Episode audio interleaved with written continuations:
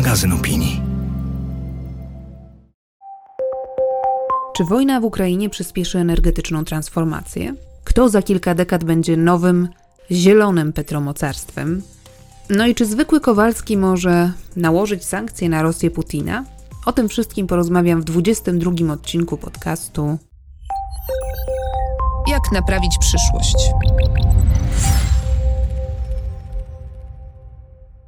Strach, współczucie dla ofiar, smutek oraz, a może przede wszystkim poczucie bezradności. To są emocje, które towarzyszą nam od początku wojny w Ukrainie. Dramatycznie poszukujemy sposobów na to, aby choć na chwilę odzyskać poczucie sprawczości. Myślę, że między innymi dlatego masowo ruszyliśmy z pomocą uchodźcom z Ukrainy. Czy możemy zrobić coś więcej? Jak skutecznie zaprotestować przeciwko bestialstwu, które dzieje się za naszą wschodnią granicą? O tym będę rozmawiać w dzisiejszym odcinku. Czy zwykły obywatel może nakładać własne sankcje na Rosję Putina? Czy presja, bojkot mogą coś zmienić? No, poza naszym dobrym samopoczuciem, że jesteśmy fair i postępujemy etycznie. Najpierw zabiorę Was na protest pod market budowlany przy ulicy Modlińskiej w Warszawie, gdzie porozmawiam z Dariuszem Gąsiorowskim, jednym z inicjatorów ogólnopolskiego bojkotu Leroy Merlin, a potem zapraszam na rozmowę z Justyną Piszczatowską, redaktor naczelną serwisu greennews.pl, dziennikarką, która od wielu lat specjalizuje się w tematyce szeroko pojętej elektroenergetyki. Rozmawiałyśmy co prawda zanim Rosja zakręciła Polsce kurek z gazem, bo to dość świeża informacja, ale Justyna odpowie na moje pytania o to, czy jesteśmy w stanie uniezależnić się od rosyjskich surowców, ile nas to będzie kosztowało i jaki wpływ na przyszłość transformacji energetycznej będzie miała wojna w Ukrainie. Zapraszam. Nie chciałabym, żeby ktokolwiek myślał o tym w ten sposób, że dziennikarze namawiają, czy aktywiści namawiają Polaków do tego, żeby przestali pić herbatę i podróżowali rowerem do Poznania. Tak bynajmniej nie jest. Chodzi o to, że w ramach takiego codziennego życia jesteśmy w stanie po prostu bardziej efektywnie korzystać z tej energii albo ograniczać potrzeby do tego minimum, które jednocześnie pozwala nam e, zachować pełen komfort życia. Co zrobić, gdy wszyscy trąbią o nieuchronnej katastrofie, o apokalipsie ekologicznej, technologiach, nad którymi przestajemy panować, rosnących nierównościach społecznych, cyberwojnach, populistach, fake newsach? Możesz próbować odciąć się od złych informacji, uprawiać własny ogródek i udawać, że wszystko jest w porządku. Ale możesz też wziąć sprawy w swoje ręce. Naiwność? Być może, ale wolę wierzyć w to, że działania pojedynczych ludzi mają znaczenie. O tym, jak naprawić przyszłość w duchu filozofii DIY, czyli naszego swojskiego zrób to sam, będę rozmawiać z naszymi gośćmi, ekspertami z różnych dziedzin. Postaram się też namówić ich do tego, by weszli w buty futurologów i spróbowali opisać, jak będzie wyglądał interesujący nas wycinek rzeczywistości w 2050 roku. Nazywam się Barbara Sowa i w imieniu magazynu Pismo zapraszam do słuchania podcastu. Rosja już na początku wojny była uznawana za najostrzej karany sankcjami kraj świata. Bardziej nawet niż Iran, Syria i Korea Północna. Lista sankcji w połowie kwietnia liczyła ponad 5 tysięcy pozycji. Oczywiście inną sprawą jest, czy te sankcje są skuteczne i czy są odpowiednio egzekwowane, ale faktem jest, że nakładają je na agresora nie tylko największe mocarstwa, jak USA, ale też całe organizacje i poszczególne firmy. Globalne koncerny masowo wycofują się z Rosji. Zamykają swoje fabryki, sklepy, centra logistyczne. Przestają eksportować towary, nie świadczą obsługi serwisowej, nie dostarczają części zamiennych. No i oczywiście naiwne byłoby stwierdzenie, że robią to tylko z pobudek etycznych. No nie, tak nie jest. Ryzyko prowadzenia biznesu w Rosji aktualnie jest bardzo, bardzo wysokie. Rozerwane łańcuchy dostaw, niewymienialna waluta, inflacja, blokada systemu bankowego to wszystko sprawia, że wyjście z Rosji może się okazać bardziej opłacalne niż kontynuowanie tam biznesu. Zwłaszcza, że no, większość klientów daje jasno do zrozumienia, jakie są ich oczekiwania co do prowadzenia firmy na rosyjskim rynku. Myślę, że większość konsumentów zgadza się ze słowami prezydenta Ukrainy Wołodymira Załańskiego, który powiedział coś takiego, że na rublach, które zarabiacie w Rosji jest krew, jesteście sponsorami wojny. Link do listy wstydu albo do listy hańby jaką stworzył i jaką na bieżąco aktualizuje profesor Jeffrey Sonnenfeld i jego badacze z Uniwersytetu Yale, znajdziecie w opisie podcastu. Zawiera on najnowsze informacje na temat aktywności firm, które działały na rosyjskim rynku jeszcze przed wojną. Gdy nagrywam ten odcinek, pod koniec kwietnia, autorzy informują, że z Rosji wycofało się albo ograniczyło swoje działania ponad 750 firm. No ale niestety, niemal 180 nadal prowadzi tzw. Tak business as usual, korzystając chociażby z tego, że na rosyjskim rynku zmalała im konkurencja. Wśród tych niechlubnych 180 firm prym wiodą francuskie koncerny, jak chociażby należące do jednej grupy ADO, Leroy Merlin, Auchan czy Decathlon. To przeciwko nim wybuchł jeden z największych i najgłośniejszych bojkotów konsumenckich, który myślę, że będzie na długo wspominany w podręcznikach do marketingu i kryzysowego PR-u jako przykład udanego. No właśnie, to się okaże jeszcze. Na pewno bardzo głośnego bojkotu konsumenckiego. Na pierwszy protest pod marketem budowlanym w Warszawie Dariusz Gąsiorowski zabrał syna i dwóch kolegów. Gdy z nim rozmawiałam w połowie kwietnia, ogólnopolski bojkot Leroy Merlin, czyli oddolna inicjatywa, której pan Dariusz jest współtwórcą, patronowała już manifestacjom i happeningom w 15 miastach. Dwa tygodnie później protestów było kilkadziesiąt w całej Polsce. Szanowni Państwo, prosimy o to, prosimy nie robić zakupów, prosimy nie przychodzić do tych sklepów, prosimy o przyłączanie się do naszego protestu, do naszych bojkotów, o uruchamianie kolejnych miejsc pikietowych.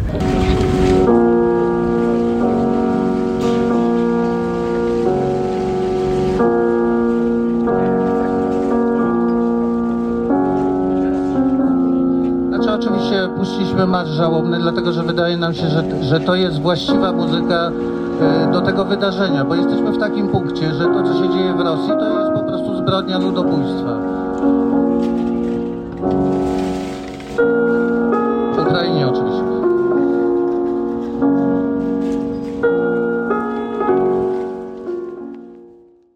My jako Polacy co roku czcimy powstanie warszawskie. To jest ważne. Natomiast wydaje mi się, że w tej chwili Ukraińcy mają powstanie warszawskie każdego dnia.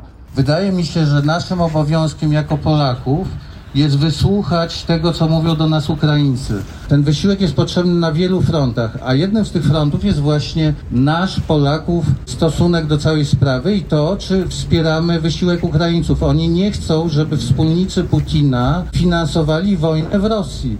Jednym z takich wspólników jest Leroy Merlin, który nie wycofał się z Rosji i zapowiedział, że będzie rozwijał swój biznes na terenie Rosji. Zachował się jak łamistaj. Dlatego wydaje mi się, że to jest minimum, co Polacy mogą zrobić. To znaczy przejechać się do innego sklepu, być może 4 km dalej, żeby kupić pusztawkę ogrodową. To naprawdę nie jest takie trudne. Dziękuję bardzo.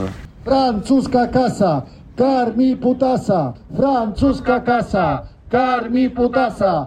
W ogóle nie jestem społecznikiem, nigdy nie brałem udziału w żadnych akcjach i chciałem powiedzieć właśnie, no nie wiem, tak górnolotnie mówiąc innym Polakom, że ja rozumiem, że ktoś nie czuje jakby protestu, ale że ten protest jest potrzebny i że trzeba się przełamać, chociażby po to, żeby stanąć w ciszy z jakimś plakatem, bo po prostu to jest ważne. No na przykład nie urodziłem się żadnym społecznikiem. Jak się zaczęła wojna na Ukrainie, to na początku pojechałem na narty, prawda, z rozpędu. Potem gdzieś tam udawałem, że to się nie dzieje, ale po prostu gdzieś mnie przytłoczyła ta ilość informacji potwornych i hipokryzja nas wszystkich, krajów Zachodu, Polski, w tym, że niby coś robimy, ale nie do końca. No. No solidarność polega na tym, że nie może się wyłamać żaden element. Jeżeli się jeden kraj wyłamie, to leży. Jeżeli Węgry się wyłamują, to leży cała idea sankcji. No. Ja jestem scenarzystą, no to pomaga w sensie myślenia narracyjnego, bo ruch protestu to też jest jakaś narracja. Trzeba jakieś etapy, coś wymyślać, wydarzenia i tak dalej, ale tak poza tym to nie znam się na tym. No. Zastanawialiśmy się nad nazwą, zastanawialiśmy się nad tym, czy mamy protestować przeciwko jednej organizacji, czy wielu. Uznaliśmy, że lepiej przeciwko jednej, na zasadzie domina, że jeżeli jedna padnie, to druga się przestraszy. I wymyśliliśmy tą nazwę ogólnopolski bojkot, a potem uznaliśmy, że musimy do niej dorosnąć. Nagle się okazało, że skoro się tak nazywamy, to musimy zorganizować Mhm. więcej protestów w innych miastach. I to okazało się, że to jest możliwe tylko po prostu trzeba odpowiednio rzecz naświetlić. I tutaj to ruszyło w momencie, kiedy założyliśmy stronę, prawdziwy profil na Facebooku. Ludwik Trammer. Ja nie byłem przy samych początkach. Zobaczyłem, że jacyś odważni ludzie wyszli i stanęli po prostu z plakatami pod sklepem. Na początku to były cztery osoby, za drugim razem kilkanaście. Zobaczyłem, że nie mają żadnych mediów społecznościowych i trochę nie radzą sobie z informowaniem o tym, więc zapytałem, czy im pomóc. Kijów się pali, Paryż się bawi, Kijów się pali, Paryż się bawi, Paryż się bawi. Ja to znam jeszcze w innej wersji. Kijów się pali, Francuzów to wali. Co dalej?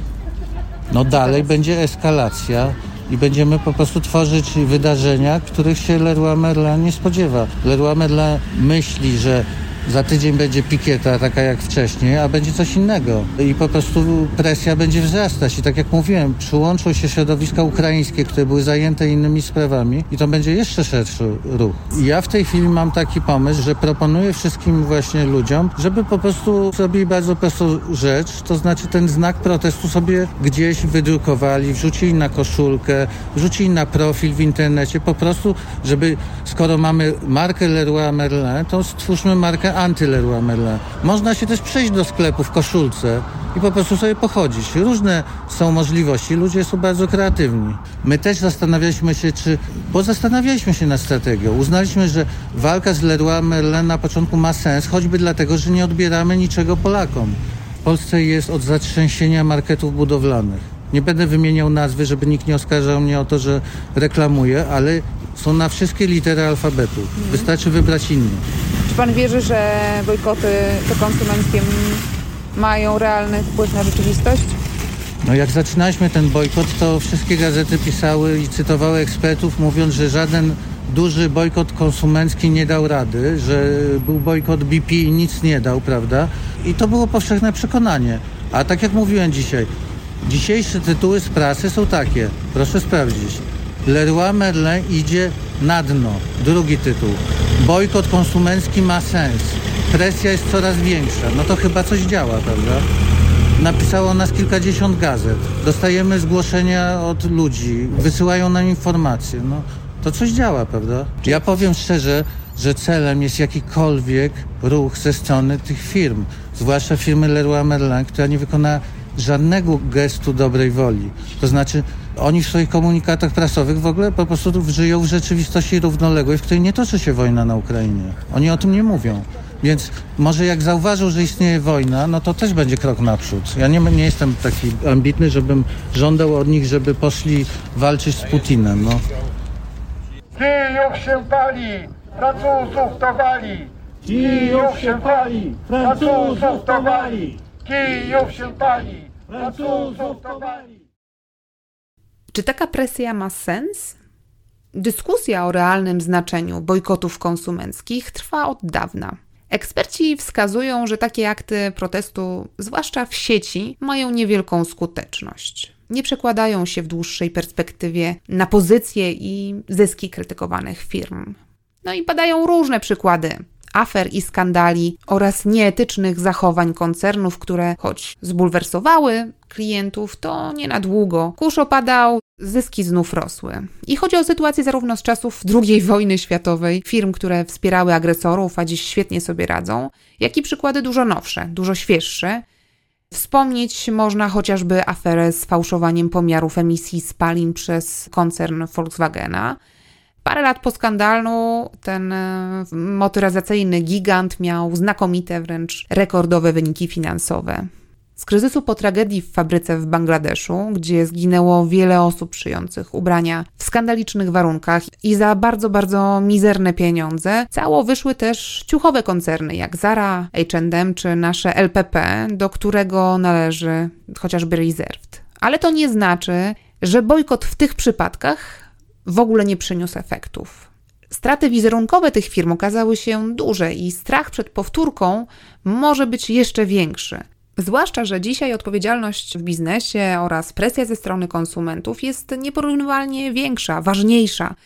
No i mamy do czynienia z sytuacją wyjątkową, z wojną, która toczy się równolegle także w sieci. Podział na tych dobrych i na złych, przynajmniej w Europie, jest dość jasny. No i poza tym są już pierwsze dowody na to, że ten tegoroczny bojkot przekłada się na przychody firm, które zdecydowały się na pozostanie w Rosji. Analizy płatności kartami PKO BP pokazały, że dynamika sprzedaży sieci obecnych ciągle w Rosji na polskim rynku spada.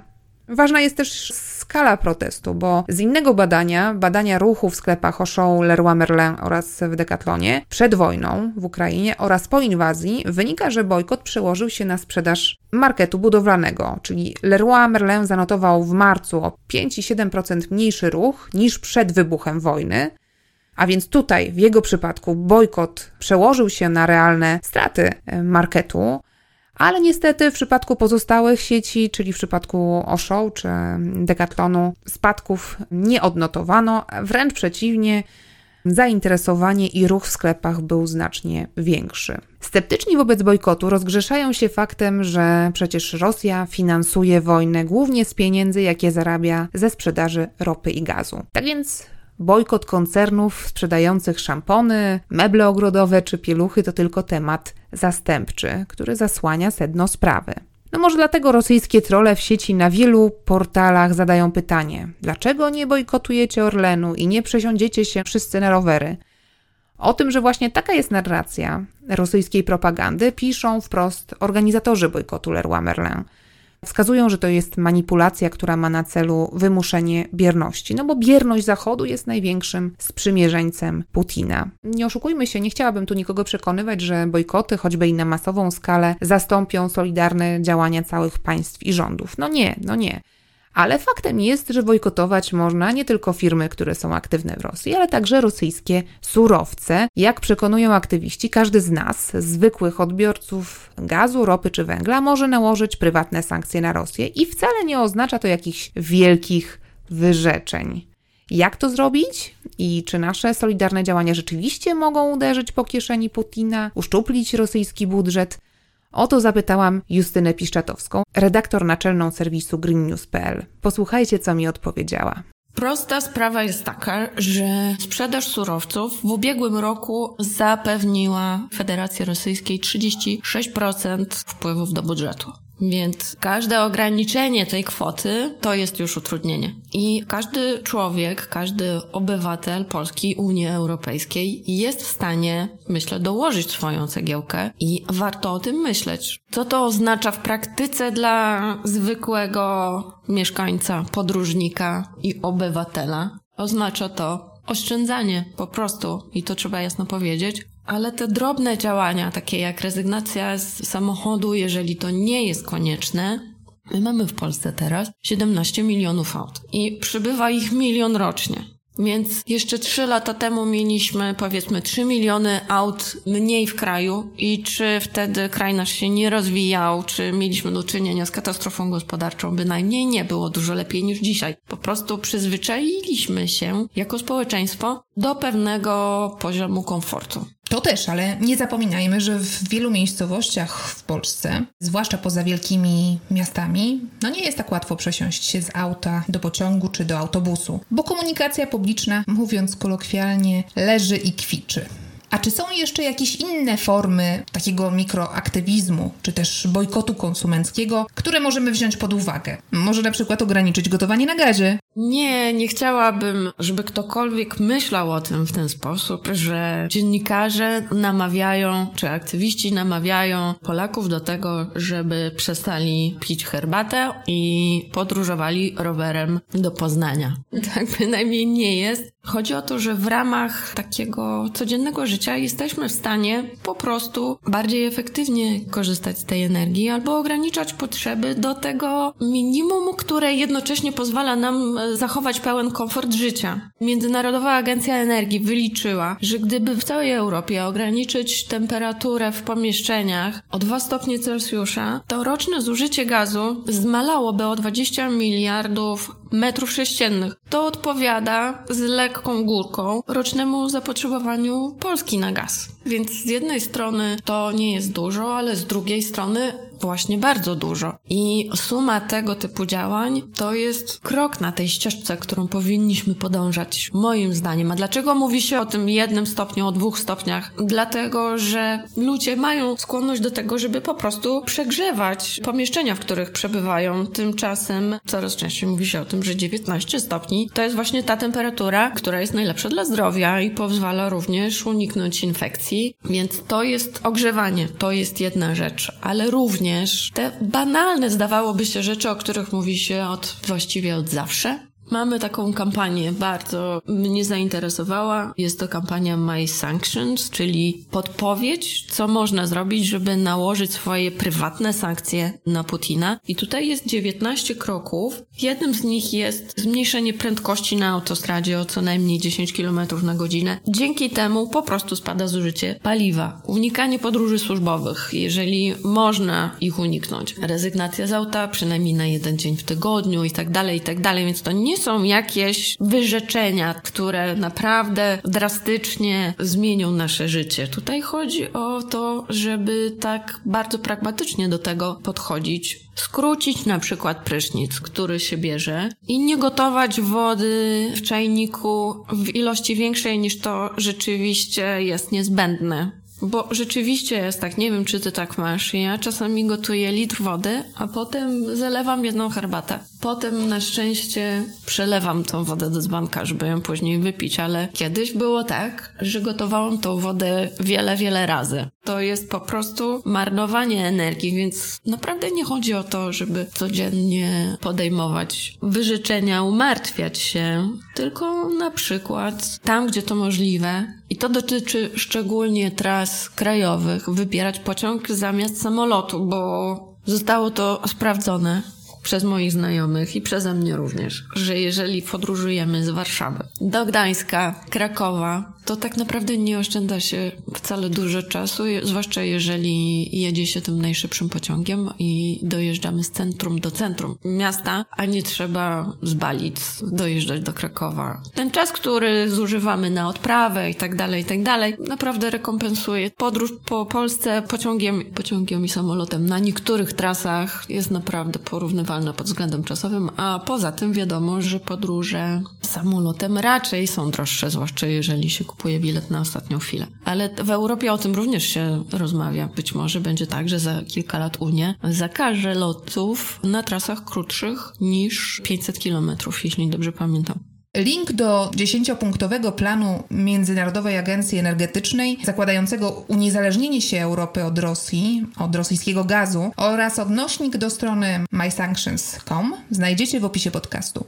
Justyno, no dobrze, a czy Polska jest w stanie w pełni odciąć się od rosyjskich surowców energetycznych? Tak, jak najbardziej jesteśmy w stanie pokazać Rosji i Putinowi, że nie jesteśmy zależni i że możemy zmieniać swoją sytuację. Widać to na przykładzie gazu, który kiedyś czerpaliśmy wyłącznie z krajowych źródeł, ale ich mamy niewiele. Byliśmy całkowicie uzależnieni w pozostałym obszarze, byliśmy uzależnieni od importu tego surowca z Rosji. Teraz gaz przypływa do nas drogą morską, jest to gaz e, skroplony. Powstaje nowy gazociąg, którym będziemy importowali gaz z szelfu norweskiego, to jest Baltic Pipe. Mamy również powstające połączenia z Litwą, Słowacją, też już niedługo. I naprawdę, mm, kiedy politycy, ja nie jestem skłonna wierzyć politykom, ale kiedy politycy mówią, że od przyszłego roku nie będziemy potrzebowali dostaw gazu z Rosji, to można przyjąć za dobrą monetę, że tym razem tak faktycznie jest oczywiście. Będzie to oznaczało pewien okres turbulencji i wielkich dostosowań. Gaz zdrożeje na całym świecie przez to, co się dzieje w Europie obecnie. Jakby gaz pokazuje, że jeżeli się chce, to można. I to samo dotyczy węgla i ropy, bo o tych surowcach mówimy. Z innymi surowcami jest dużo trudniej. Dotyczy to szczególnie ropy i ten rynek jest o tyle trudny i newralgiczny, że jeśli spojrzeć na wpływy Rosji ze sprzedaży surowców do Unii Europejskiej, to one w ubiegłym roku wyniosły około 100 miliardów euro. Z tego 75% to są wpływy ze sprzedaży ropy. Około 20%, 20 kilku procent to gaz i zaledwie 4% to węgiel. Więc oczywiście mamy teraz wielką kampanię informacyjną w sprawie tego, że Unia Europejska jest na drodze do wprowadzenia embarga na węgiel, natomiast to ma bardziej wymiar symboliczny, bo tak naprawdę to pieniądze, które Rosja zarabia na ropie, przekraczają jej tak zwany budżet wojenny. Więc de facto Unia sama jest, można powiedzieć, sponsoruje po części tę wojnę. O tyle bolesne jest to, że tak bardzo jesteśmy uzależnieni od ropy. I ta druga część pytania, czy jesteśmy w stanie to zmienić?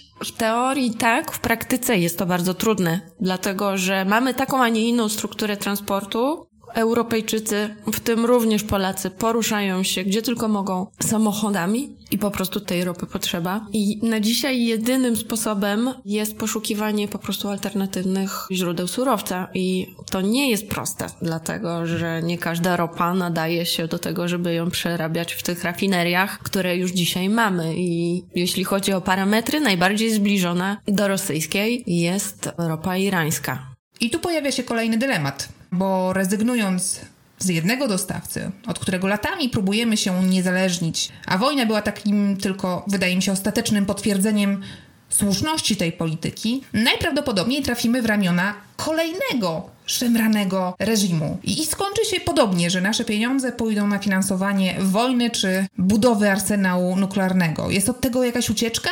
No już historia ostatnich dekad pokazała, że to jest tak naprawdę możemy, jako powiedzmy Europa, możemy wyjść na tym z deszczu pod tak? Ale trwają rozmowy o tym, żeby znieść embargo na irańskie surowce. Ono nie wiem, czy zostanie osiągnięte, bo to jest bardzo trudna politycznie sprawa już na linii Iran-Europa, tylko Stany Zjednoczone i również Arabia Saudyjska i tak dalej, i tak dalej. A jeśli nie Iran, to kto? Jakie państwa, jakich dostawców możemy brać pod uwagę?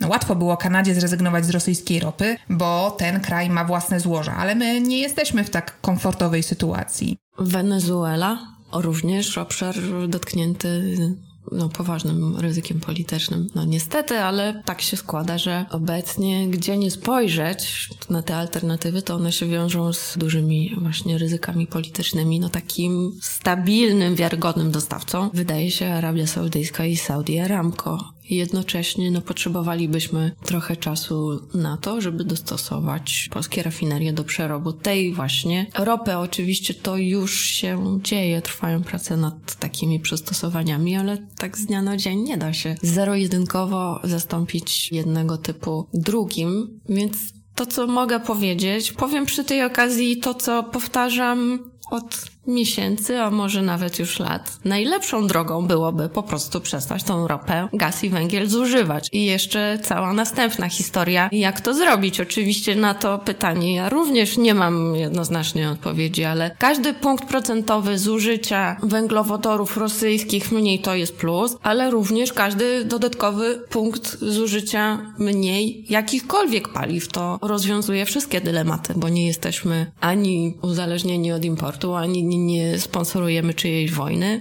ani nie niszczymy wtedy klimatu, tylko dojść do tego idealnego świata. No i teraz kluczowa kwestia. Jakie będą koszty uniezależnienia się od Rosji? Ja mówię z takim przekąsem, zawsze jak pada takie pytanie, to mówię 400 miliardów euro. Oczywiście to jest żart, ale ten szacunek czasami pada w kontekście finansowych potrzeb polskiej energetyki. Moim zdaniem to są koszty zawyżone, dlatego że trzeba pamiętać o tym, że przestawianie się na odnawialne źródła energii oznaczać będzie, że przestajemy potrzebować na co dzień na przykład węgla, a to też są pieniądze. W każdym razie koszty są znaczne. Nie, nikt tego nie policzył i tak naprawdę nie da się tego policzyć. Wzrost kosztów obecnie nie wynika z tego, że my poszukujemy innych dostawców, tylko wynika z tego, że mamy wojnę w Ukrainie i kryzys gazowy, który Rosja wywołała już dużo wcześniej, powiedzmy pół roku wcześniej, podbijając kilkukrotnie ceny gazu na europejskich giełdach. No i efekt jest taki, że gaz jest dzisiaj 3 do 5 razy droższy niż był rok temu. Węgiel jest dzisiaj 2,5 razy droższy niż był na początku tego roku, a to dlatego, że już trochę staniał. W każdym razie jest dzisiaj tak, że wszyscy poszukują alternatywnych źródeł tych surowców, w związku z czym dostawcy, producenci, na przykład węgla, widząc ten zwiększony popyt, wystawiają wyższe rachunki, bo dzisiaj mamy do czynienia z rynkiem dostawcy i to tak naprawdę dotyczy całego świata. Jednocześnie mamy ogromne fluktuacje z tych cen. W zależności od tego, czy Putin danego dnia grozi, że odetnie, czy Europa raczej mówi, że te euro Europa będzie ograniczać zużycie, to mamy albo wzrosty, albo spadki cen tych surowców, bo one są powiązane ze sobą w ramach pewnego koszyka, więc zazwyczaj jest tak, że jeżeli widać jakiś problem z ropą, to również gaz drożeje momentalnie, oczywiście w mniejszym stopniu, ale również, no to jest taka psychologia rynków. Ja nie potrafię ocenić skali tych kosztów, które Polska dzisiaj musi ponieść, żeby uniezależnić się od rosyjskiej ropy. A może powinniśmy to pytanie odwrócić i zastanowić się nie nad tym, czy stać nas na to, żeby się uniezależnić od Rosji, ale właśnie nad tym, czy stać nas na to, żeby w tej zależności trwać. Wydaje się, że nie stać nas dłużej na to, żeby ponosić te ryzyka polityczne, bo to jest dużo groźniejsze brak tej niezależności w dłuższym terminie może być dla Polski dużo groźniejszy niż utrzymywanie dotychczasowego status quo. To jest po pierwsze, a po drugie, no mamy oczywiście cały aspekt moralny. Jeżeli spojrzy się na zdjęcia z Buczy, czy dzisiaj z Kramatorska, gdzie po prostu widać zwłoki niewinnych ludzi, no to ja mogę powiedzieć, że tutaj nie ma żadnego dylematu. Trzeba użyć wszelkich legalnych środków, żeby ten stan rzeczy przestać wspierać i żeby to wszystko zmienić. Ja jestem gotowa na to, żeby swój wkład w to wnieść, bo w obliczu tego, że giną niewinni ludzie, również dzieci, to dyskomfort taki, że miałabym na przykład nie podróżować samochodem, tylko częściej pociągiem albo autobusem, a po mieście rowerem i na hulajnodze, to jest ten koszt, który ja osobiście jestem w stanie ponieść, ale myślę, że oprócz tej mojej subiektywnej perspektywy, Polacy przyjmując ponad 2 miliony Ukraińców do swoich domów, pokazali, że czują tą solidarność i wiedzą, jaki to jest ciężar gatunkowy wyzwania, z którym my się dzisiaj mierzymy. Tu chodzi o ludzkie życie i jego nie da się przeliczyć na pieniądze. A jak w tym kontekście wygląda sytuacja Unii Europejskiej? Jako kraje, które mają dzisiaj najtrudniejszą sytuację wyjściową, wskazałabym Niemcy i Włochy, dlatego że to są najwięksi importerzy gazu z Rosji. Ten gaz to paliwo, które jest takie najbardziej newralgiczne, dlatego że ono daje mniejsze wpływy do rosyjskiego budżetu, tak jak już sobie powiedziałyśmy, ale jednocześnie ten czynnik taki no techniczny daje Rosji większy lewar, bo to jest paliwo, którego używa się nie tylko do ogrzewania, ogrzewania domów, ale również potrzebne jest w przemyśle. Potrzebne jest w elektrociepłowniach, które zasilają, napędzają procesy technologiczne. Gaz potrzebny jest również do produkcji nawozów. Jego najwięksi konsumenci są jednocześnie dzisiaj w najtrudniejszej sytuacji, ale patrząc na to, jak Niemcy podeszły do tego tematu dzisiaj, obserwuję dyskusję, czy będą kupować trzy czy pięć terminali w które pozwalają. To są takie statki służące jako terminale do importu gazu skroplonego. Oni mają taką politykę, że przyjmują pewne założenia strategiczne i konsekwentnie się ich trzymają, nawet jeżeli bardzo długo im się powtarza że to nie jest słuszny kierunek i tutaj mam na myśli to uzależnienie od Rosji w ogóle w rozumieniu gospodarczym nie chodzi o same surowce. Przez dekady kraje Europy Środkowo-Wschodniej powtarzały, że to jest błędna droga, ale nie mieli nigdy wcześniej takich doświadczeń z Moskwą jak my. Więc trzymali się bardzo konsekwentnie tego kursu wyłączania elektrowni atomowych i inwestowanie w miks gaz plus odnawialne źródła energii. No i dzisiaj ponoszą tego konsekwencje, ale warto zwrócić uwagę, że w ciągu tego półtora miesiąca od wybuchu wojny nowy rząd zdążył już powiedzieć, że dotychczasowa polityka była błędem, że budowa tego wielkiego gazociągu Nord Stream i Nord Stream 2 również była błędem i pracują nad rozwiązaniami. Oczywiście nie są skłonni do takich radykalnych działań jak nałożenie unijnych sankcji, ale widać, że bardzo mocno pracują nad tym, jak to zmienić również sygnalizują znaczne przyspieszenie inwestycji w energię z odnawialnych źródeł.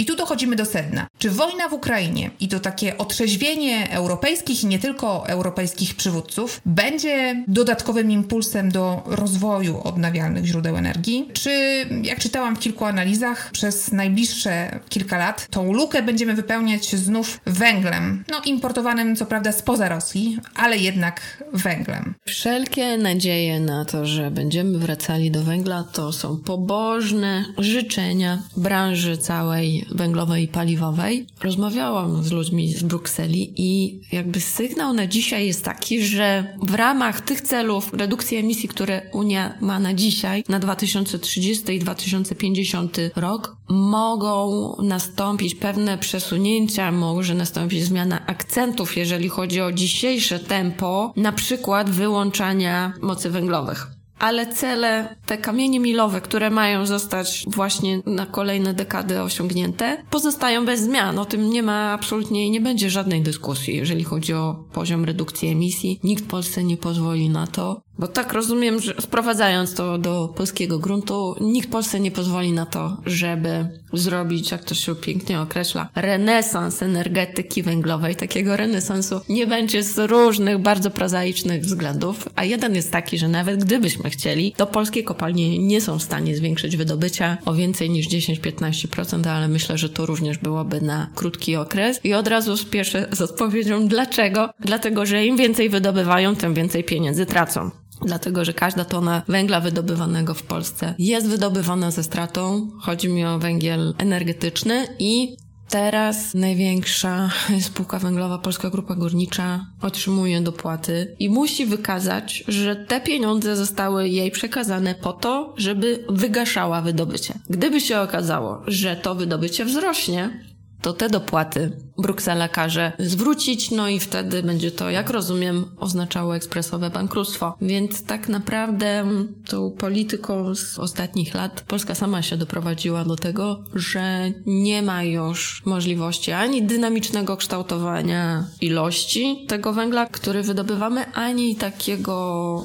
pragmatycznego podejścia. Dobrze, może zróbmy w przyszłym roku tyle, tyle, tyle. Tutaj bardziej to jest tak, że ile się uda, a bardzo rzadko udaje się przewidzieć to realne zapotrzebowanie, więc raz mamy nadprodukcję, raz deficyt. No to nie jest branża, która byłaby w stanie prowadzić stabilny biznes. Nawet gdyby całego tego kryzysu nie było, więc no to myślę tyle, jeżeli chodzi o, o renesans. No dobrze, możemy się zgodzić, że los węgla jest przesądzony, ale proces dekarbonizacji no jeszcze potrwa parę ładnych lat. Czym w najbliższym czasie zastąpimy węgiel importowany z Rosji? Na import węgla trzeba spojrzeć z tej strony. Nie importujemy węgla raczej na potrzeby elektrowni. Ten węgiel, który jest spalany w elektrowniach, niemal w całości pochodzi z krajowego wydobycia. Taka jest struktura. Import, który w ubiegłym roku wyniósł około 9 milionów ton, jest prowadzony na potrzeby elektrociepłowni i na potrzeby polskich gospodarstw domowych, które w całej Europie ze wszystkich odbiorców prywatnych polskie gospodarstwa domowe zużywają najwięcej węgla w całej Unii Europejskiej. I to jest ten główny konsument, powiedzmy, na potrzeby ciepłownicze. I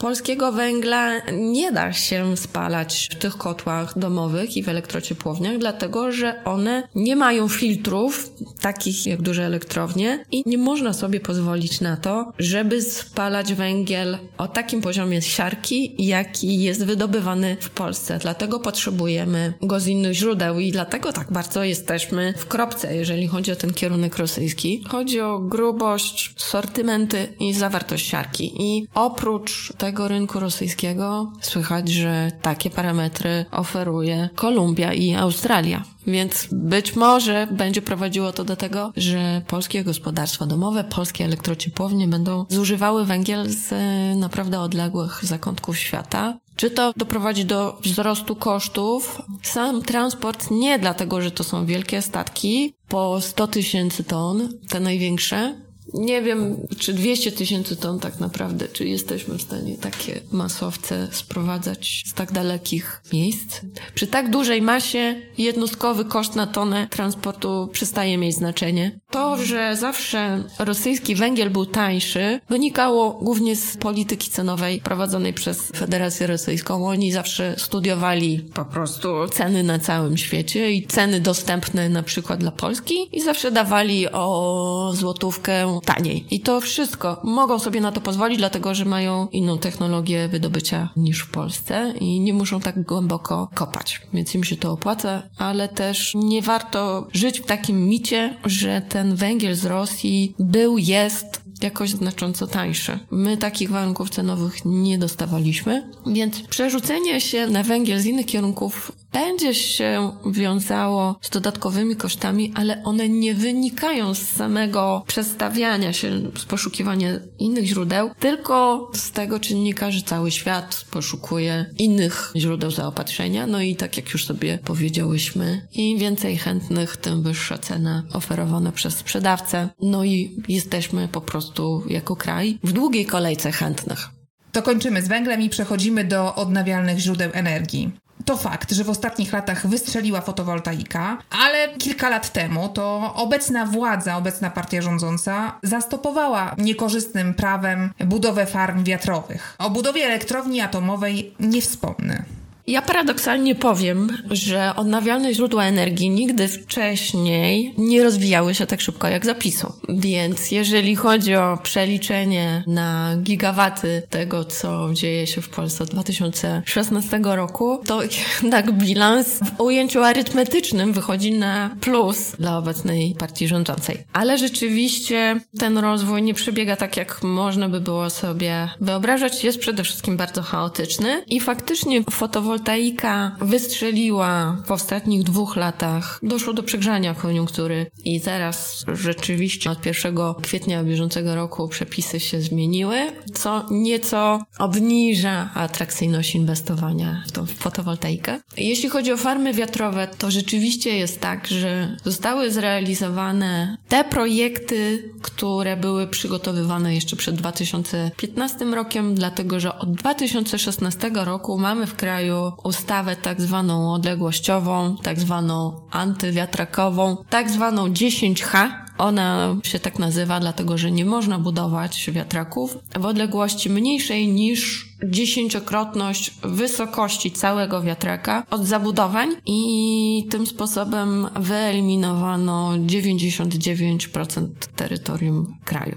Więc te projekty, które dzisiaj dochodzą do skutku, bo są budowane nowe farmy wiatrowe, tylko to są projekty, które były przygotowywane całe lata temu, nie bazują na nowoczesnych technologiach, tylko mają dużo mniejszą moc i dużo mniejszą efektywność niż można by było dzisiaj zapewnić, jakby zaczynając cały projekt od nowa. Nie ma przestrzeni na te nowe projekty. Być może to się zmieni właśnie za sprawą tego całego wielkiego zawirowania, y, jakie mamy w europejskiej, światowej energetyce. Myślę, że ten trend również wpłynie na zmianę optyki polskiego rządu, zwłaszcza, że teraz paradoksalnie największe państwowe przedsiębiorstwa takie jak KGHM, jak Orlen, Polska Grupa Energetyczna i tak dalej, i tak dalej, i również prywatni odbiorcy, huty, apelują o to, żeby pozwolić im w końcu budować własne wiatraki. Chcą mieć dostęp do zielonej energii, która jest tańsza i od której nie trzeba ponosić kosztów emisji CO2.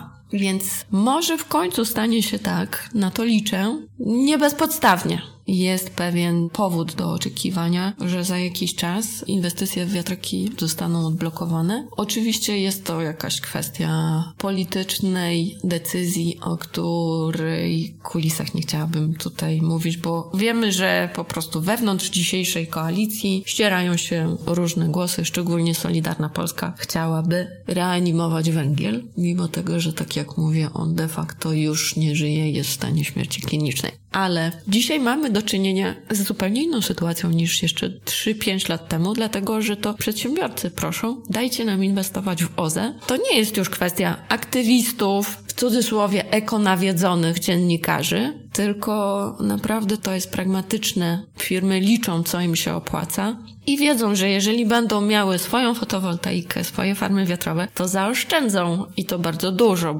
Dlatego, że energia z wiatru może być dostępna po powiedzmy 150 zł za megawattogodzinę, podczas gdy dzisiaj bieżąca cena energii na giełdzie przekracza 400 zł. Więc to porównanie jakby jasno pokazuje, jaki jest kierunek i jakby nie ma od tego odwrotu, niezależnie od tego, jak mierzyć w tym wszystkim bezpieczeństwo energetyczne. Po prostu dzisiaj dostęp do energii, która nie jest w żaden sposób powiązana z ryzykami politycznymi, to już zaczyna być poważny atut państwa. W świetle tego nie dziwią deklaracje Niemiec, że oni w kolejnych latach chcą budować więcej wiatraków rocznie, około 10 gigawatów. To jest więcej niż Polska ma tych wiatraków w ogóle na terytorium całego kraju. Całą odrębną historią pozostanie wtedy to, co robić, jak zapewnić stabilne dostawy, jeżeli nie wieje wiatr i nie świeci słońce. I tu wraca temat, hasło, które w kontekście transformacji energetycznej wydaje się być kluczowe, czyli atom. Hobbystycznie odwiedzam opuszczone miejsca i bawię się w tak zwany urbex. I w zeszłym roku miałam okazję obejrzeć opustoszałą elektrownię Żarnowiec. I jest to bardzo smutny obraz, bo widać jak bardzo zaawansowana to była inwestycja. Jak blisko byliśmy zbudowania własnej elektrowni. Czy to jest ten kierunek, od którego nie ma ucieczki? To rzeczywiście wielka szkoda, że nie mamy dzisiaj tej elektrowni jądrowej w Żarnowcu, bo czym innym jest mieć elektrownię, którą można eksploatować, a czym innym ją dzisiaj budować. Mam troszeczkę może, nie chciałabym powiedzieć zaburzoną, ale jednak specyficzną perspektywę, dlatego że ja piszę o tej elektrowni jądrowej przyszłej polskiej od 2006 roku i tak samo jak jej nie było, tak nadal jej nie ma. Według tego pierwotnego planu miała być uruchomiona w 2020. Więc to mocno tak kształtuje moją perspektywę na to, czy ona będzie w 2030. Ta sytuacja również w Ukrainie pokazuje, że my tej elektrowni potrzebujemy bardziej niż kiedykolwiek wcześniej. Natomiast nawet gdybyśmy dzisiaj podjęli te zdecydowane działania, to ona nadal jest od nas oddalona o 13-15 lat. Tak, chodzi o przygotowanie i budowę. W energetyce jest niestety tak, że im więcej pieniędzy wkłada się w jedno źródło wytwarzania, tym większe ryzyko to generuje. Jest kilka takich sygnałów, które wskazują, że faktycznie zaczyna być poważnie w sprawie tej polskiej elektrowni jądrowej. Tak poważnie, jak jeszcze nie było, no nie mogę powiedzieć nigdy wcześniej, bo zaczynaliśmy już budowę w latach 80., ale tym razem sprawy zaszły faktycznie już daleko i być może że w tym roku zostanie wybrana technologia. Czy tak się faktycznie stanie, to zobaczymy, bo jeszcze dużo może się wydarzyć, co wiemy. Myślę, że ta wojna w Ukrainie bardzo przypomina o tym, że bezpiecznie jest powiedzieć, że dzisiaj wiemy, że nie jesteśmy w stanie tej przyszłości przewidzieć i takie dla mnie wypowiedzi ekspertów, którzy są w stanie pewnym głosem powiedzieć, co będzie w przyszłym roku, są bardzo niewiarygodne właśnie, bo to trzeba przyjąć tyle różnych założeń, że jest niemal pewne, że któreś z nich musi być błędne na dzisiaj, bo sytuacja jest po prostu tak dynamiczna, więc abstrahując od tego, to co dzisiaj się dzieje, to został złożony raport oddziaływania na środowisko tej przyszłej elektrowni i to rzeczywiście jest krok, którego jeszcze na przestrzeni tych ostatnich 15 lat, powiedzmy, nie obserwowaliśmy, więc widać, że jest pewna determinacja w rządzie do tego, żeby w końcu zacząć popychać ten projekt naprzód i on jest potrzebny. Czy to dojdzie do skutku, to naprawdę uniknę odpowiedzi na to pytanie. Po prostu nie czuję się kompetentna. Musiałabym wyjąć szklaną kulę albo przejrzeć fusy od herbaty, ale faktycznie widać, że determinacja jest i można powiedzieć, że jeżeli nie teraz, to nigdy, dlatego że to trwa już za długo i jeżeli dzisiaj nie zobaczymy tego impulsu i nie zobaczymy tego, że te działania faktycznie się toczą, to myślę, że niektórzy dostawcy technologii mogą się już raz na dłuższy czas z Polski po prostu wycofać, bo to negocjowanie, przygotowywanie kolejnych ofert to również są pieniądze i kapitał ludzki, który trzeba w to zaangażować, więc można powiedzieć, że jesteśmy w takim zwrotnym punkcie, jeżeli chodzi o energetykę jądrową, tą dużą energetykę jądrową w Polsce, dlatego że jeszcze na horyzoncie pojawiają się małe reaktory jądrowe. To również jest bardzo interesująca technologia, ale nigdzie na świecie dotychczas nie została wdrożona na skalę przemysłową. Nikt nie wyprodukował ani jednej megawattogodziny energii z takiego bloku. Oczywiście niektóre z tych technologii są porównywalne z y, jednostkami używanymi dzisiaj na statkach o napędzie jądrowym, ale to jednak jest trochę inna historia i trzeba całego nowego procesu certyfikacji i uzyskiwania pozwoleń, żeby móc wykorzystać tą technologię na lądzie i do zastosowań cywilnych, więc w tej branży mówi się, że jeżeli faktycznie będziemy mieć te małe reaktory modułowe, jądrowe, to pewnie gdzieś w okolicach 2030 roku. I zauważ, że obie te technologie, tak zwany duży atom i tak zwany mały atom, to jest perspektywa po 2030 roku, a do tego 2030 musimy jakoś kolokwialnie mówiąc, dociągnąć i do tego czasu pewnie będziemy musieli wyłączyć połowę tych elektrowni węglowych, które dzisiaj mamy. Więc jakby niezależnie od wszystkiego, czy tego chcemy, czy nie chcemy, potrzebujemy nowych źródeł energii i myślę, że w dużym stopniu będzie to również energetyka odnawialna. Atom z czasem Mam nadzieję, że włączy się do tego miksu, bo doświadczenia takich krajów jak Francja albo Szwecja, które bardzo mocno bazują na energetyce jądrowej, pokazują, że to są doświadczenia w gruncie rzeczy pozytywne, bo doświadczenia tych krajów pokazują, że to jest energia tania, a również zapewnia najniższy poziom emisji CO2 ze wszystkich dostępnych miksów energetycznych, dlatego że dzisiaj wiatraki i fotowoltaika, czyli elektrownie słoneczne, są bilansowane najczęściej gazem, który po prostu łatwo się włącza i wyłącza. Bilansowane, czyli są zastępowane w tych godzinach, kiedy nie pracują, są zastępowane źródłami gazowymi w głównej mierze. Dlatego, że gaz pozwala dynamicznie zmieniać ilość produkowanej energii. To jest jeden z atutów tej technologii. I ogólny bilans takiego przełączania się z wiatru i słońca na gaz. Pod względem emisji CO2 jest wyższy niż włączenie jednej elektrowni jądrowej i pozwolenie jej po prostu produkować. Tą energię ze stałą mocą, więc pod względem wpływu na klimat energia jądrowa jest, i to trzeba mówić, energia jądrowa jest bardziej przyjazna niż te inne technologie. Oczywiście świat zmierza w stronę zupełnie nowych rozwiązań i nie można sprawy stawiać w ten sposób, że zawsze będziemy już działali w oparciu o te rozwiązania, które dzisiaj znamy, bo na horyzoncie mamy na przykład wodór, czyli wielka nadzieja światowej energetyki na to, żeby w nim magazynować energię, bo on nie będzie nigdy głównie paliwem, tylko głównie sposobem na to, żeby energię przechowywać przechowywać, chyba że rozwinie się jakaś inna technologia magazynowania. Miliardy, dziesiątki miliardów euro w Europie idą na badania nad technologiami magazynowania energii, więc jeżeli uda się kiedyś spiąć wiatrak z efektywną baterią, akumulatorem energii, to rzeczywiście być może to będzie takie panaceum, ten święty gral, ale kolejne lata i kwartały pokazują, że każda z tych technologii koniec końców ma jakieś mankamenty, więc nie da się dzisiaj przewidzieć, co będzie dominowało.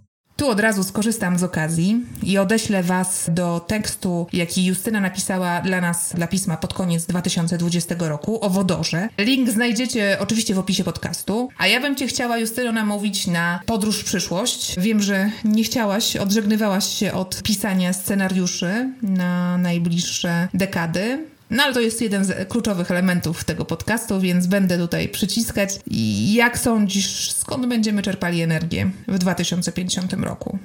Myślę, że w 2050 roku będziemy czerpali energię głównie z odnawialnych źródeł, chyba że pojawi się jeszcze jakaś alternatywa, której dzisiaj nie znamy. Ale myślę, że generalnie rzecz biorąc, będziemy bazowali na takim bardzo zdywersyfikowanym, zróżnicowanym miksie. Każdy kraj będzie wykorzystywał dokładnie te zasoby, którymi dysponuje. I w przypadku Polski widzę duży potencjał zarówno w energetyce wiatrowej na lądzie, jak i w energetyce wiatrowej na morzu, bo to jest jeszcze cały rozdział offshore'u, który się dzisiaj otwiera i wygląda naprawdę bardzo interesująco, bo Polska okazuje się ma jedne z najlepszych na Bałtyku warunków do tego, żeby rozwijać te wiatraki tam. Możemy mieć dzisiaj, w zależności od źródła, 20 gigawatów, 28 gigawatów w energetyce wiatrowej, także wygląda to naprawdę bardzo interesująco. Ale nie odżegnywałabym się także od tego atomu tak zwanego. Elektrownie jądrowe potrzebują czasu, żeby dojrzeć, tak, żeby to zaimplementować, ale ten tak zwany backup, czyli jakieś źródło energii, które stabilizuje system w momencie, kiedy nie ma wiatru ani słońca, ono będzie zawsze potrzebne. I wydaje mi się, że elektrownie jądrowe mogą być takim czymś, co rozwiąże, dopnie jakby ten system. Oczywiście jeszcze cały szereg mniejszych technologii, biogaz, biomasa, oczywiście one mają duże ograniczenia związane z dostępnością odpadów na przykład, które trzeba najpierw zabezpieczyć, żeby potem móc zbudować źródła energii i ciepła.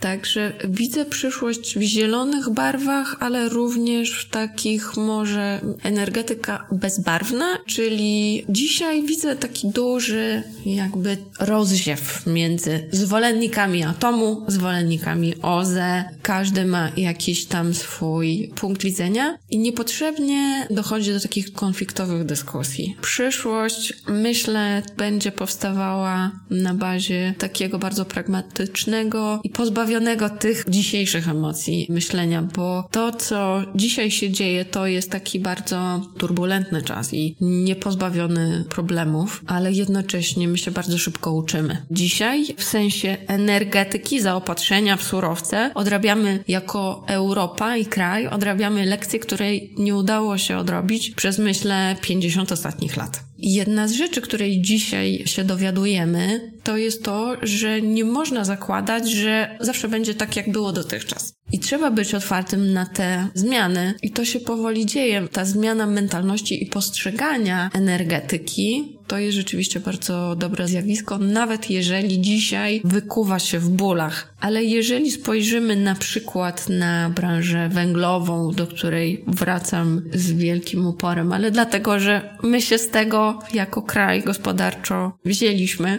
górnicy, bardzo wielu z nich, jeżeli porozmawiać z nimi, bardzo dobrze wiedzą, na czym stoją, w szczególności związkowcy, którzy bardzo głośno krzyczą o tym, że ten węgiel trzeba ratować. Oni są bardzo wykształconymi ludźmi i dobrze wiedzą, że 20 lat to jest maksimum tego, co mamy, bo dłużej po prostu nie da się tego przedłużać. Więc to nie będzie energetyka, już na pewno nie będzie czarna, Odnawialne źródła energii przestaną być postrzegane również jako zielone, po prostu staną się mainstreamem. Niedługo będziemy mieli dużo bardziej efektywne technologie pozyskiwania energii zarówno ze słońca, jak i z wiatru. Postęp technologiczny i obniżka kosztów, jakie obserwujemy w ostatnich latach, to jest wręcz szokujące, dlatego że Źródła słoneczne staniały o 50%, a wiatrowe o 80% na przestrzeni dekady. Więc żadna inna technologia, w tym również technologia jądrowa, nie jest w stanie zaoferować takiego postępu. I ten kierunek, no, wydaje mi się, że po prostu nie ma na dzisiaj nic lepszego. Oczywiście trzeba to uzupełniać, trzeba to obudowywać i patrzeć na to wszystko przez pryzmat całego systemu energetycznego, który musi być bilansowany zarówno na poziomie lokalnym, jak i regionalnym, ale energetyka rozproszona to jest rzeczywiście ta przyszłość. I proszę nie pytaj mnie o to, jak szybko to się wydarzy. To wiadomo, że się wydarzy, natomiast te technologiczne różne wzloty i upadki, które obserwujemy, pokazują, że to nie rozwija się jednak tak całkowicie liniowo. Jest jeszcze wiele barier, które trzeba pokonać, ale myślę, że ten zdywersyfikowany miks, w którym jest szereg różnych źródeł, w zależności od tego, na co można sobie w danym miejscu pozwolić, to to, to jest właśnie ta przyszłość. Rosja swoją pozycję zawdzięcza surowcom energetycznym. Czy ją straci? Zobaczymy. Ja bym Cię chciała jeszcze na koniec zapytać, kto Twoim zdaniem za dwie, trzy dekady będzie takim nowym, zielonym już petromocarstwem? Przy czym ten przedrostek petro traktujemy umownie, no bo nie o mocarstwa wyrosłe na ropie mi chodzi, ale o te, które powstaną na innych surowcach i na pierwiastkach, które będą potrzebne do budowy baterii, elektrowni atomowych czy paneli fotowoltaicznych. Obawiam się, że dzisiaj nie doceniamy w Europie, wielu ludzi w Europie dzisiaj nie docenia znaczenia, jakie w całej tej transformacji energetycznej odegrają Chiny, dlatego że z jednej strony mają technologię, z drugiej strony mają dostęp do pierwiastków ziem rzadkich, tak się je nazywa, które są w bardzo dużych ilościach wykorzystywane do produkcji na przykład magazynów energii i do produkcji paneli fotowoltaicznych. Jeśli chodzi o te pierwiastki, to jest to lit, nikiel, mangan i cały szereg innych rzadziej spotykanych pierwiastków w małych ilościach, ale są niezbędne do tego, żeby produkować podzespoły do odnawialnych źródeł energii. Chodzi szczególnie o technologię magazynowania tej energii. I Chiny dzisiaj są z jednej strony dominującym na świecie dostawcą technologii fotowoltaicznej, z drugiej strony nie są krajem demokratycznym i wiadomo, że surowce, po które w Chinach się sięga, nie są prawdopodobnie wydobywane z poszanowaniem praw człowieka. Również jeżeli chodzi o lit, to bardzo podobny problem jest w fabryce. Są całe materiały i dokumenty powstają na temat tego, jakich warunkach wydobywa się te pierwiastki z wykorzystaniem pracy dzieci i najwięksi konsumenci potem tych pierwiastków i technologii, które na nich bazują, czyli Stany Zjednoczone i Europa, będą musiały się wcześniej czy później zmierzyć z tym wyzwaniem i przestać zamykać oczy na to, jak w sensie etycznym to wszystko wygląda. Między innymi ze względu na ten konflikt zbrojny na Ukrainie, bo odpowiedzialność społeczna biznesu dzisiaj zaczyna mieć trochę inne znaczenie niż wcześniej. Okazuje się, że surowce, że energia to nie jest tylko nośnik, również jest obciążona całym tym ryzykiem politycznym i całym tym ciężarem etycznym, od którego nie da się uciec. I Polacy już dzisiaj pokazali, że w takich kryzysowych sytuacjach jesteśmy w stanie opowiedzieć się po tej jasnej stronie, ale to jest dopiero początek całego trendu i wojna w Ukrainie trwa dopiero półtora miesiąca. Myślę, że będzie promieniować jeszcze przez długi. Nawet gdyby ten konflikt skończył się bardzo szybko, w co trudno dzisiaj jest uwierzyć, ale myślę, że zostawi bardzo głęboki ślad, dlatego że od ropy, gazu i węgla przejdziemy dalej z czasem do tych innych zasobów, które nie mogą być dłużej pozyskiwane z pogwałceniem praw człowieka, ale również z pełną akceptacją tak naprawdę dla dewastacji środowiska i klimatu. I to jest jakby zupełnie nowy rozdział, który dopiero się otwiera, ale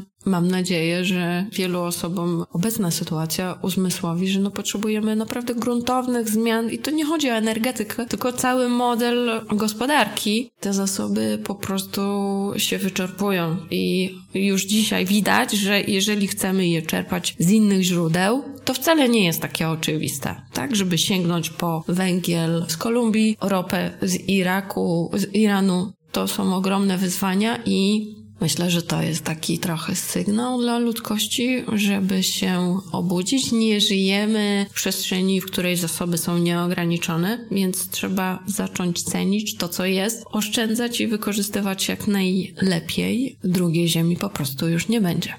I niech to będzie najlepsza puenta dzisiejszej rozmowy. Bardzo Ci dziękuję i do usłyszenia. Jak naprawić przyszłość?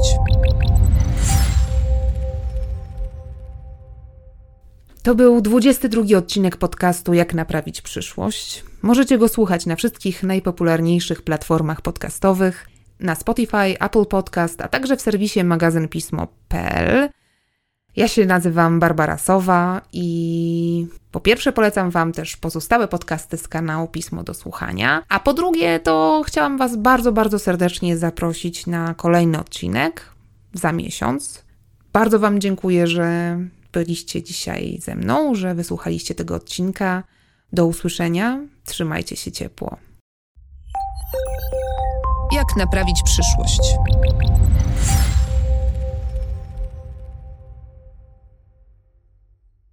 Więcej materiałów znajdziesz na stronie miesięcznika Pismo, magazyn opinii pod adresem magazynpismo.pl.